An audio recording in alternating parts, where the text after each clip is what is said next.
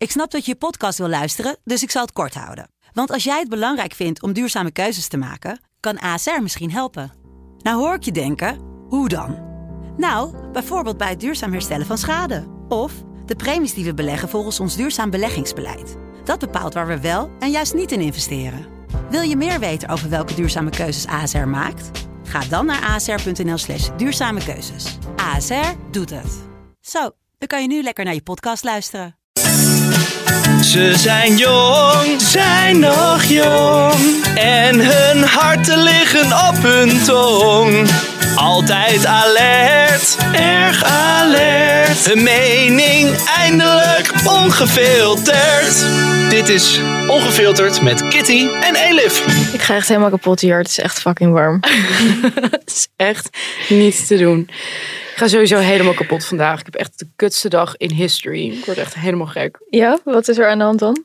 Nou, het stormt buiten. Dat is ten eerste. Dat vind ik al heel vervelend. Wil ik eigenlijk gewoon mijn huis niet uit. Maar ja, Ja. ik moest mijn huis uit, want ik moest hierheen. En het, het waait en mijn haar gaat overal Door heen. weer en wind En- gaan we voor jullie om deze podcast op te nemen. Ja, precies. En er is er allemaal gedoe en er zijn heel veel mensen op straat. En dan waaien er de hele tijd dingen om en dan moet je dus lopen. En dan kan je dus jezelf al bijna niet handhaven op straat. Omdat je dus om de paar meter word je gewoon weggerukt door fucking rukwind. Dan moet je dus al je spieren aanspannen terwijl je op straat loopt. Alsof je een soort workout aan het doen bent.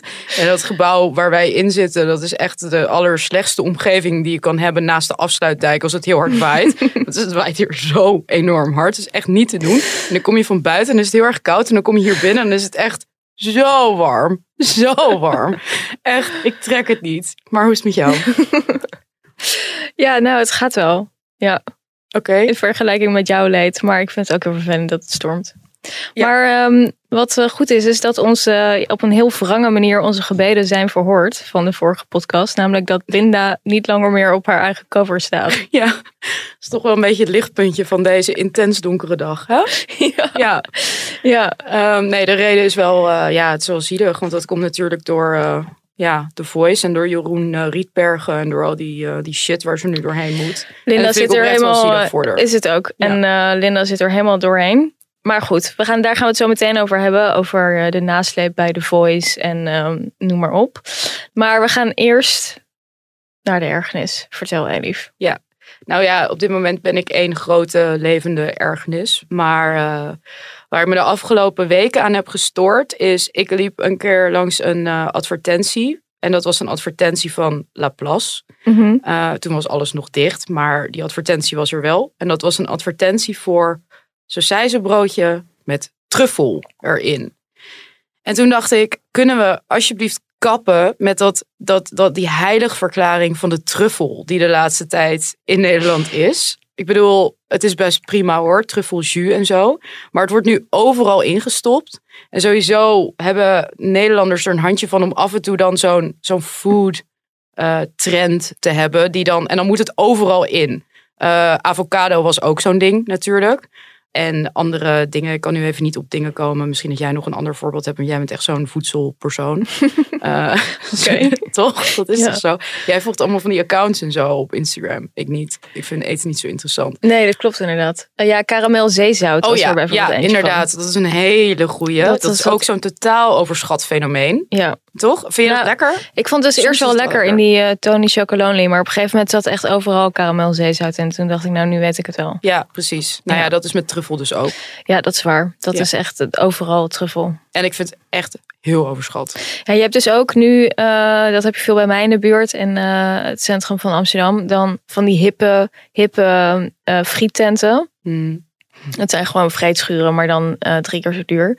En dan kan je zeg maar een bakje patat halen en dat is dan ja niet, dat is dan van die ongeschilde, van ongeschilde aardappel. Hmm. Eh, en dan heel ambachtelijk. En dan hebben ze in plaats van normale mayonaise hebben ze dan truffel mayonaise. En dan kost het, patatje kost zeg maar eh 12 euro of zo. 7 euro of zo. ja, ja. ja. dat is Terwijl truffel mayonaise is helemaal niet per se lekker met patat. Gewoon normale mayonaise is veel lekkerder.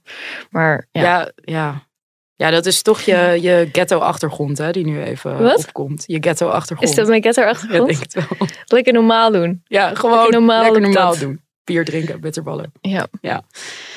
En jij? Ehm, nou, ik wil meteen even het thema trekken van The Voice. Namelijk uh, dat ik heel verheugd ben dat iedereen nu Ali B haat. Want ik haat hem zeg maar altijd al. Um, en dat heeft te maken met onder andere met zijn hoofd.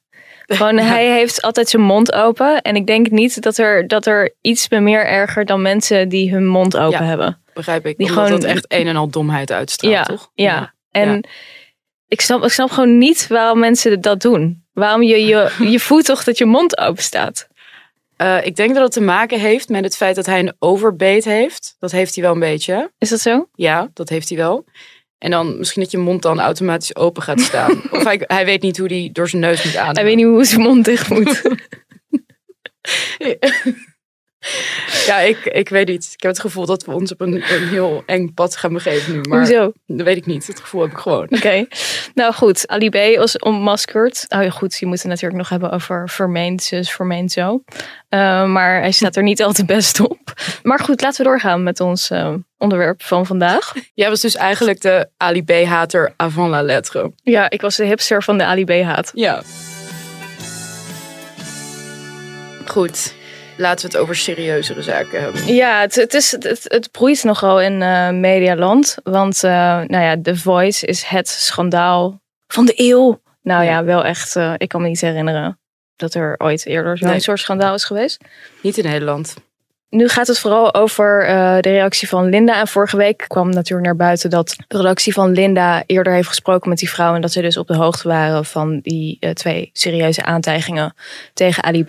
De twee aantijgingen die ja, eigenlijk de sterkste verhalen zijn in de documentaire uh, van Boos ja, dat leidde tot een aantal mensen, vooral Angela de Jong, die het had over een soort doofpot die gaande moet zijn geweest. En dat werd ook gesuggereerd door, uh, door anderen. En Linda heeft toen een statement uitgedaan waarin ze flink wild om zich heen sloeg. Dat was echt smullen. Nou, er waren flink wat mensen die er uh, van langs kregen. Uh, ze zei dus, uh, ik wilde eigenlijk uh, mijn verhaal doen op mijn eigen platform. Maar ze heeft besloten om helemaal niets meer te zeggen. Vervolgens is een vrij uitgebreide verklaring gevolgd. En ze heeft het over um, dat ze constant onder vuur ligt bij een handjevol sensatiezoekende opiniemakers. Onder andere Bo, Rob Goosens, Joep, dus Joep van het Hek. En de grote aanvoerster van deze bizarre hetsen, die sneuwe, intens valse Angela de Jong. Je gaat er lekker op, hè? Daar ging ik wel echt heel goed op. Ik vond trouwens dat Rob Goossens, en uh, nou, die is natuurlijk, ik mag hem heel graag. Uh, dus mijn voormalig collega. Of onze voormalig collega en mijn voorganger. Ik vond dat hij uh, heel prima verslag deed ervan bij RTL Boulevard. Maar het viel bij Linda niet echt in de smaak. En wat haar kritiek dus vooral was, dan ja, waarom ze Angela de Jong dus sneu en intens vals vindt, is dat ze werd weggezet als dat zij een soort van doofpot uh, er voor een soort doofpot had gezorgd. En dat, er, uh, dat alles wat zij zegt, wordt gezegd dat ze verdraait en liegt. Um, en aan het vernoemen is. Dat is ook wel iets waar ik me aan begon te ergeren. Zeker toen dat naar buiten kwam uh, over Linda. Ik weet niet hoe jij dat hebt gelezen. Dat, dat zeiden dat Linda met die twee vrouwen heeft geprobeerd extra slachtoffers te vinden. Maar dat het niet ja. is gelukt. En vervolgens hebben ze die tips uh, doorgespeeld aan Boos. En ja. die is daar vervolgens mee aan de slag gegaan. Toen dacht ik, ja, het is wel duidelijk dat iedereen de kwaadste manier ja. van dit wil lezen. Terwijl, ik bedoel, dat betekent dus dat het blad Linda gewoon dit hele onderzoek, dat balletje heeft laten rollen. Ja. En dat zonder hun ja. ja. dat het niet per se zo was dat dat uh, aan het licht was gekomen. Ja. Het stond ook in de verantwoording van uh, de documentaire van Boos. Er stond in dat, er, uh, dat ze waren benaderd door een tijdschrift. Er stond niet bij dat het Linda was. Ik vind het zelf wel echt relevante informatie. Dus ik heb nog nagevraagd bij Boos waarom ze dat niet hebben genoemd dat het het Linda was. En zij zeiden dat dat toen te maken had met de identiteit van de slachtoffers. Dat ze daarover zo min mogelijk informatie wilden geven. En dat ze daardoor ja, het heel, heel wat is het? Algemeen. Ja. Ja, dat ze daardoor algemeen hebben gelaten. Maar goed, de Volkskrant is alsnog daarmee gekomen dat het uh, vanuit, uh, uh, vanuit Linda kwam. We gaan even luisteren naar de hoofdredactrice van Linda, Yildau van der Bel, die bij Op1 zat. Dat, dat is natuurlijk ook zo kwalijk en, en ernstig. wij hebben deze vrouwen geholpen. Ik heb nog steeds dagelijks contact met de slachtoffers ben overal bij geweest. Uh, in die zin dat ik uh, samen met hen stappen heb genomen tot en met nou, van nou laten we dan kijken of Tim Hofman ons verder kan helpen als wij hier niet verder komen. En ehm, eh, dat er nu wordt gedacht alsof wij iets in de doofpot hebben gestopt. Nou ja. Dat vind ik echt afschuwelijk. Want dat is natuurlijk, waarom zouden we dat doen? Nou ja, waarom zouden we dat doen? Dat is natuurlijk wat iedereen erin wil zien. Van dat, eh, omdat Linda de broer is van, of eh, de, de John de Mol de broer is van Linda de Mol, zou het Ja. natuurlijk logisch zijn dat het daarom in de doofpot is gestopt. Alleen inmiddels lijkt alles erop alsof dat dus juist niet zo is. Eh, maar toch willen dan mensen als, nou ja, bijvoorbeeld Angela de Jong, die schrijft dan van, ja, ze had in de keukentafel als ze moeten zeggen van, joh, je moet even letten op die Ali B, bla bla bla bla bla. Maar dan denk je ook van, ja, eh, oké, je, je, je trekt het wel heel ver door naar zeg maar de bewijslast die iemand of, of juist ehm, eh, de acties die iemand had moeten ondernemen om niet in een verdacht hoekje te worden Met alle geplaatst. kennis achteraf. Precies. En dan zeg maar, dat is altijd zo irritant natuurlijk aan Angela de Jong. Die heeft altijd alle wijsheid in pacht. Eh, Ja, maar zij stelt alleen maar vragen. En zij is gewoon een normale burger die zich gewoon zorgen maakt over heel veel dingen, toch? ja. Ja, dat is wel een goede, goede samenvatting van eh, onze Angela. Georgina Verbaan die ehm tweette over haar vorige week dat Angela de Jong elke dag naar de juiste studio rijdt. dat is wel echt de week van Angela de Jong, hè? Ze- Ja. Zij was meer eh, in de publiciteit dan Linda zelf. In ieder ja, geval. dat was niet zo moeilijk. Maar Nee. die vrouw die stond echt overal vooraan. Ja. Ze, heeft, ze is ook schaamteloos. Ze heeft overal voert het hoogste woord over. Zelfs over juridische onderwerpen. Dan eh, gaat ze. Want iemand zei dus eh, ook aan tafel vorige week bij Bo van. ja, wat nou als iemand zijn tong in je mond steekt of je opeens zoent. En ehm, dan zegt zij zo gewoon met een soort stalen gezicht, alsof ze alle juridie verkrachting, terwijl daar gewoon ju- juristen daar aan tafel zitten die dan vervolgens moeten zeggen, eh, nee, dat is geen verkrachting. Echt een hele vermoeiende vrouw. Je, als iemand je ongevraagd ineens eh, eh, op je mond kust en zijn tong in je mond eh, duwt. Dat is verkrachting. Zeker verkrachting. Dat, Juridisch gezien is het. Nee, het is geen verkrachting. Aanranding. meer, maar- De aanranding. Aanranding. In Dat is de aanranding. Oké, daar Het is gaan we binnendringen toch van het lichaam, toch? Ja, dat dacht Maar ik. volgens mij is een, een, En een een tongzoen tong is geen verkrachting. hè? Dat was het ooit wel. Ik vond het dus echt heel erg opvallend dat die tips van Linda kwamen. Of dat Linda dat blad gewoon eh, expliciet naar boos is gestapt met wij hebben deze twee vrouwen. Ja. Wij kunnen er niks mee, want dat is lastig. Daar was natuurlijk ook heel veel kritiek op van heeft Ja. Linda dan wel genoeg gedaan? En, maar dat vind ik allemaal journalistiek best verdedigbaar. Als er geen aangifte zijn, je kunt geen andere mensen vinden. Ja, je is Linda ook niet echt een onderzoeksjournalistiek platform of zo. Nee, maar goed, dan zeiden mensen, ja, dan had je gewoon iemand eh, beters moeten inhuren die dat heeft gedaan. Maar goed, ik vond, ik vond dat die hoofdredactrice dat eh, hartstikke goed kon argumenteren waar, waarom ze die keuzes hadden gemaakt. Maar nu ja, merk je toch heel erg de wil van, nou, het kan toch niet dat eh, Linda dat niet heeft verteld. Denk ik, ik vind dat eigenlijk helemaal niet zo ongeloofwaardig. En ook al zou ze het hebben verteld aan John de Mol, ik, ik denk dat John de Mol gewoon gaat schermen met die loketten als zij met zo'n verhaal komt. Ja, en het zou ook juist kunnen dat ze juist om zeg maar belangenverstrengeling te voorkomen het niet aan John de Mol heeft verteld. Omdat ze zoiets had van, dan zitten we met een soort korte lijntjes eh, informatie met elkaar uit te wisselen. Ja, en als expliciet wordt gezegd door een van die slachtoffers: ik wil al die dingen doen, ik wil uiteindelijk aangifte doen, maar niet nu. Ja, Ja. wie ben jij dan om dat per se te doen? Ik Ja. kan me heel goed voorstellen dat je op die manier redeneert. Maar goed, dan hadden andere mensen ook weer kritiek van: ja, dat is gewoon jouw taak. Als je dan ook bij Talpa zit, dan kun je niet zeggen van, eh, oh, daar doe ik niks mee. Of, maar goed, dat is, dat is gewoon een keuze die je maakt, denk ik. Ik, ik begrijp goed dat je zo'n soort keuze maakt. Ik zou dat denk ik ook niet zo snel doorvertellen als dat expliciet wordt benadrukt. Van, ik wil echt niet dat iemand deze supergevoelige informatie over mij, waar Ja. ik tijd voor nodig heb om dat op mijn manier te doen, dat jij dat nu gaat vertellen. Ja, maar dat zou je toch wel in generieke termen kunnen vertellen. Dus je hoeft niet te zeggen, je hoeft niet eh, de slachtoffers te noemen of te omschrijven. Maar je kan natuurlijk wel zeggen, dit soort signalen komen er binnen over hem. Dat, dat is natuurlijk wel waar. Ja, maar dat goed. is wat die critici ook zeggen. Van, je hoeft natuurlijk niet die slachtoffers te outen om zoiets te vertellen. Nee, maar er is natuurlijk gewoon een probleem geweest bij Talpa of nog steeds. Of de reden waarom überhaupt die klachten niet binnenkomen of waarom mensen zich niet vrij voelen om dat te zeggen. Ja. Dus dan denk ik niet dat je met algemene termen heel ver komt in zo'n cultuur. Want Nee. dan zeggen mensen gewoon van, nou ja, goed, mensen zeggen zoveel. Ja, wie is dat dan? En waarom melden die mensen zich dan niet? Ja. Als dat de cultuur is. Want, en dat bleek overduidelijk dat dat de cultuur was eh, Van John de Mol. Van John Ja. de Mol. Dus eh, ik vraag me af of dat dan zoveel eh verschil had gemaakt. Maar goed, laten we nog even hebben over Angela de Jong. Waarom vind jij haar zo irritant?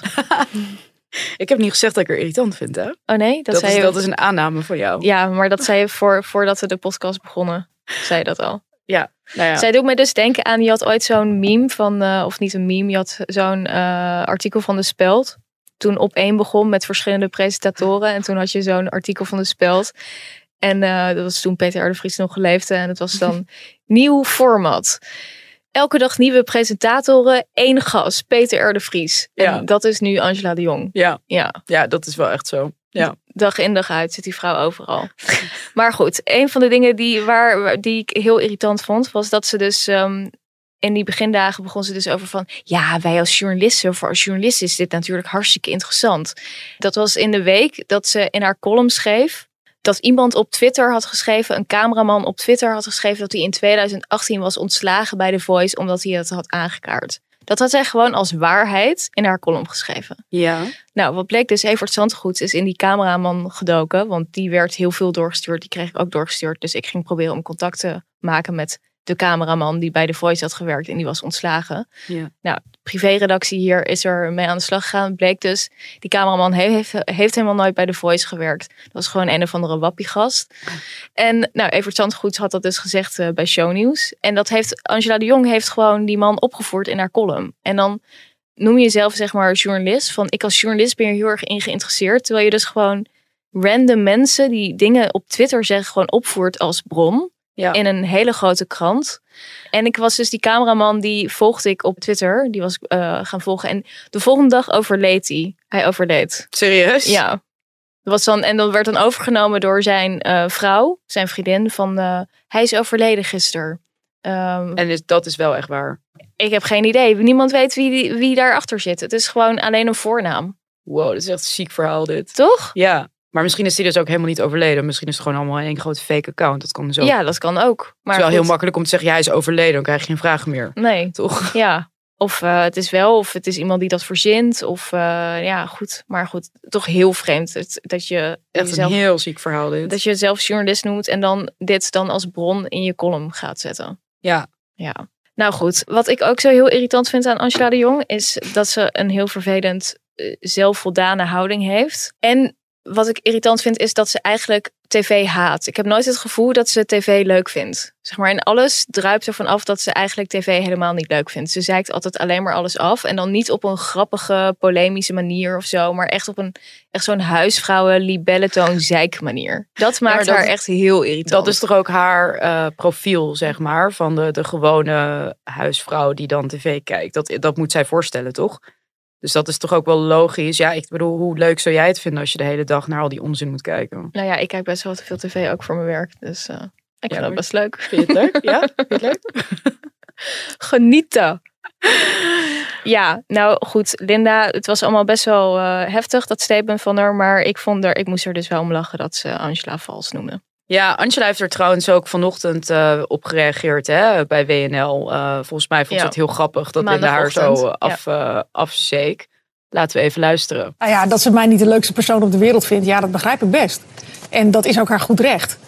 Eh, het enige lastige is, voor haar dan in dit geval, dat eh, de, het schandaal wat nu aan het licht komt achter de schermen van The Voice, dat dat eigenlijk het grootste schandaal is wat we hebben gehad in 70 jaar televisie. Dus ja, daar is heel veel aandacht voor. En daar zijn ook heel veel vragen nog over, die eh, mensen zich thuis stellen in de huiskamer, maar die ik ook hardop stel in mijn column. En eh, dat ik dan eh, af en toe de kop van Jut ben, ja, dat zij zo. Ja, de mensen in de huiskamer, hè? dat is Ja. waar we het net over hadden. Dat, Ja. dat is haar, dat, dat perso- personificeert zij. Ja, maar genoeg over Angela. Ik ben nu klaar met die vrouw. Het is echt ziek dat ze de slimste mens van Nederland is geworden. Daar, eh, daar zie je al aan dat, het, dat die quiz niet helemaal klopt. ik werd wel nieuwsgierig naar eh, John de Mol. Ik heb meteen een boek over hem eh, gekocht. De gangen van John de Mol. Dat is een boek geloof ik uit 2005. Eh, en dat gaat helemaal over de opkomst van John de Mol en zo. En ik moet zeggen, het is echt heel fascinerend. Het gaat, Linda 2005, die foto op de cover, hij ziet er echt nog precies hetzelfde uit. Nou, hij is wel een stuk jonger hier. Ja, en hij Dus, is eh, iets dikker geworden, maar daar ziet hij eruit. Dus Hier wel- was hij nog een kettingroker. Hij was dus een kettingroker vroeger. Wat ik ook heel vet vind. Maar Ja, dat past ehm, wel bij een mediamagnaat, vind ik. Ja, Ja. wel. Maar ehm, het gaat dus ook over de vrouwen die hij dan heeft gedate. En dan dat hij zeg maar nooit iets leuks met ze deed en zo. En dat hij gewoon een totale workaholic is. Ehm, dus het is echt een heel fascinerend figuur. Maar wie nog veel meer weet. Nou, er is natuurlijk heel veel kritiek op hem geweest de afgelopen weken. Terecht kritiek. Maar ehm, wie nog veel meer weet over het rijden en zeilen van John de Mol is Mark Koster, mediajournalist. Net als ik. En ehm, Collega. collega. Dus laten we die even bellen. Dit is de receptie van Ongefilterd met Kitty en Elif. Ik verbind u door. Vertel Mark, jij schreef het boek eh, De Mol, de machtigste mediafamilie van Nederland. Wie is Ja. John de Mol? Ja, John de Mol is een topondernemer die eh, de roeien en ruiten gaat om zijn, zijn zin te krijgen en zijn programma's te verkopen. Ehm, ja, en het, het, het, het, het zakelijke staat eh, voorop. Hij heeft een familie waar hij ook van houdt. Maar ja, daarna komt er een hele tijd niets. En eh, is er vooral het, eh, het aspect van winnen. De deal doen en de beste zijn in zijn vak. Dat is John de Mol. Is hij de Logan Roy van Nederland? Ja, dat, is, dat zeggen jullie. Ja, jullie. Ik heb nu Succession, eh, daar refereer je aan. Hè? Ja. Misschien moet, moet je dat even uitleggen. Geweldige serie. Al vind ik hem iets meer op Trump lijken. John de Mol heeft nooit enige ambitie gehad om in de politiek terecht te komen. Hm. En ik geloof ook niet dat hij zo ontzettend slecht is als die eh, Logan. Al wordt hij wel zo een beetje gezien. Het heeft er ook mee te maken dat hij intrinsiek verlegen is. En eigenlijk zichzelf niet goed kan uiten. Dat vind ik echt heel schattig. Dat ik dat zeg. Nee, nee, dat, dat, het zo dat is. het zo is. Dat het eigenlijk een verlegen man is. Het is een intrinsiek verlegen man, ja. Waar concludeer je dat uit? Nou, dat hij gewoon een beetje, eh, ja, zeg je dat, sociaal onhandig is. Dus, dus dat, dat, dat- hij in principe wel het wel goed bedoelt, maar dat het ook heel vaak eh, heel lomp en, lomp en grof overkomt. Ehm, dat zegt trouwens niet dat hij eh, helemaal een uh, Mahatma Gandhi is. Oh, dat dacht ik. Dat, dat is dacht hij ik helemaal dat, niet. dat hij dat was. Want ik heb natuurlijk zelf ook wel eens ervaren dat hij dan zei van ja, dat, dat kun je zo niet opschrijven of dat moet eruit. Terwijl ik zei ja, maar John, dat is waar. Ja, maar Mark, als je dat er nou uithaalt, dan, eh, dan mag je nog een keer met me meelopen of zo. Toen zei ik ja, maar dus kijk, het is niet een man die, die, ja, die de waarheid, dat, die, dat is, is wel zijn waarheid. Het is een zakenwaarheid. Dus hij probeert het net zo lang te regelen tot hij zijn zin krijgt met, met, met, zijn, met, zijn- met zijn deals. Daar- ik heb de, als een van de weinigen heb ik, moet ik er wel om, om, om lachen soms en om grinniken. Dus dat boek wat ik heb daarover heb geschreven, daar zitten die streken ook wel in. Ja. Vaak een beetje losjes eh, opgeschreven. Ehm, dus eh, ja, dit, dit- dit- maar dan goed dat, dat dit nu gebeurt, dat, ja, dat is ook alweer de manier waarop de familie en John, John de Mol, maar ook iets wel typisch, eh, typisch de Mol. Dat denk ik, nee, ja, nee, we zeggen dat het niet zo is of dat het anders zit. Of, ja, en dan zal iedereen dat wel geloven. Kijk, ze hebben natuurlijk jarenlang in, in een online wereld of in een offline wereld geleefd. Waarbij eh, nou, de roddelpers en, en ook, ook bijvoorbeeld de Telegraaf, het AD minder, toch altijd toch wel een beetje op zijn hand waren. En dan kon hij dat beschrijven. Kijk, de, de serieuze pers had er helemaal geen interesse in, in, in al, die, al die spelletjes, in die programma's. De NRC, de Volkskrant, die keken daar natuurlijk verschrikkelijk op neer. Dus eh, ja, daar, hadden ze ook helemaal geen behoefte aan om daar aandacht aan te besteden. Dus had je, had je de, de roddelpers en, en de, de, de kranten om je verhaal, verhaal te vertellen. En dat werd ook altijd wel geloofd.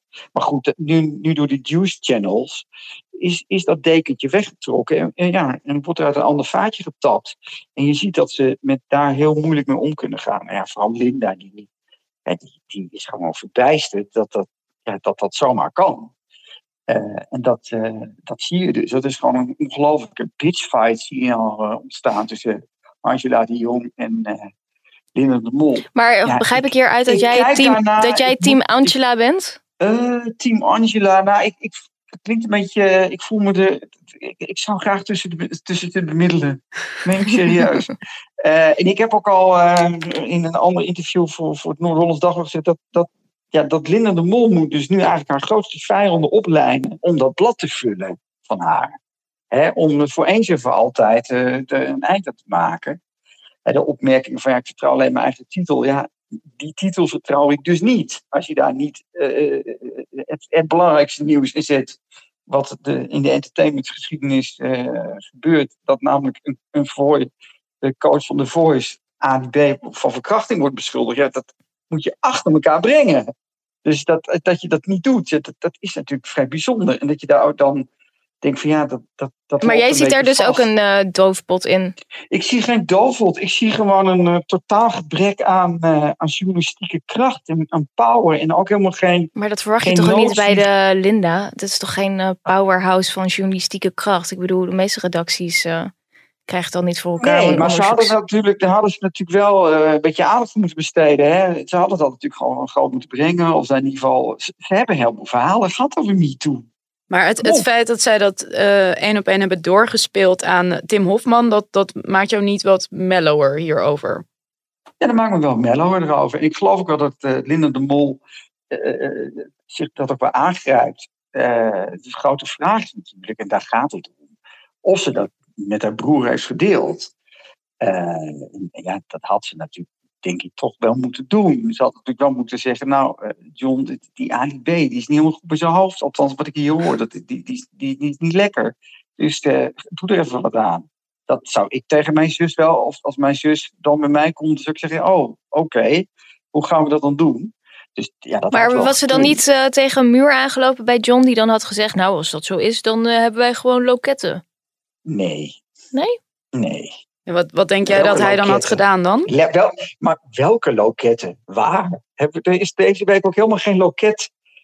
Wat- ja, maar als we, als, we kijken, als we dan? kijken naar dat interview, dan was dat eh, wat John dacht. Nou, jullie moeten niet even als juristen denken. Hè? Dit, dit zijn juridische uitspraken die losstaan van, van hoe het daar echt toe gaat. Of zo. Nee, nee, nee, maar wij, wij proberen eh, jou als chroniqueur, zeg maar, jij weet een beetje hoe hij denkt.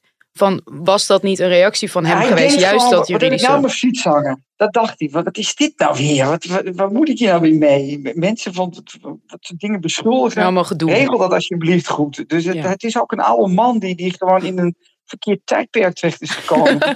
Die- ja, wat meisje. Dat, dat- ja, Hij, hij moet eigenlijk met pensioen, zeg je. Hij moet al twintig jaar met pensioen. en dat heeft ermee te maken dat hij. Dat, dat, dat, natuurlijk de, de Voice was natuurlijk een soort buitenspeldoelpunt. Waarbij die, eh, hè, die, die, als die stoelen niet waren gedraaid, was dat hele programma er niet geweest. Kijk, hij is natuurlijk misgelopen. Hij had natuurlijk, al zijn geld had hij in online moeten stoppen. Heeft hij niet gedaan. En je ziet wat er nu gebeurt. Het zit zo in die, in die, in die offline, in die lineaire televisie. Kijk, Linda ook. Het zijn gewoon dinosaurussen uit een heel oud tijdperk. En daarom reageren ze ook zo totaal verdwaasd. Omdat ze denken, wat overkomt ons nu? Dat kan helemaal niet. Jarenlang konden wij dit allemaal regelen. Mensen gaan niet zomaar tegen ons in. Dat kan helemaal niet. Dus dat is een beetje de schokreactie die er nu is. En, en ja, die, ik vind wat Linda ook schreef op Instagram. Ja, dat, ja ik, kijk toch. Ik ben natuurlijk gewoon fan van haar geweest. En, en nog steeds wel een beetje. Maar ik denk, wat is er in haar hoofd omgegaan dat je dat zomaar met ons deelt? Dan zit ik hier dus heel hoog. Dus ik zie het ook als een, als een mensen die, ja, die in een verkeerd tijdperk zijn terechtgekomen. En het lijkt alsof ze dit overvalt. En dat, dat vind ik verbijsterend aan. Dat ze dit niet in hebben kunnen zien hoe dit balletje rolt. En dat, dat, ja, dat, dat zie je nu gebeuren.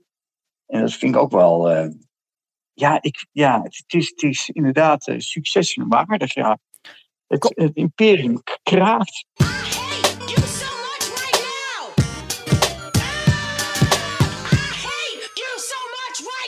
De hatefluencer van de week. Ja, we hebben onszelf eh, bestempeld tot hatefluencer, want we hadden een gemeenschappelijke haatgevoelens. Ja, ik wil daar wel even bij zeggen dat ik jou toch wel iets meer een hatefluencer vind dan mezelf. Want jij liep, oh, jij liep vorige week ook lekker te hatefluencen over Patty Bart. Ja, maar dat, eh, daar vroeg ze wel om, toch? Maar ik vind daar is wel een beetje alles over gezegd. Dat, ja, toch? maar ik wou het toch nog even uitlichten. Ik wou je toch even een pluim geven ervoor. Maar wat, omdat je het leuk vond? Ja. Dat ik eh Patty Bart een dinosaurus had genoemd Ja. die ze moeten afvoeren. Ja. Maar wat ik dus las in het hele leuke boek, wat ik lees, De Gangen van John de Mol, is dus dat zij elkaar kenden, kennen. Dus dat hij een relatie had met een zangeres van Luf.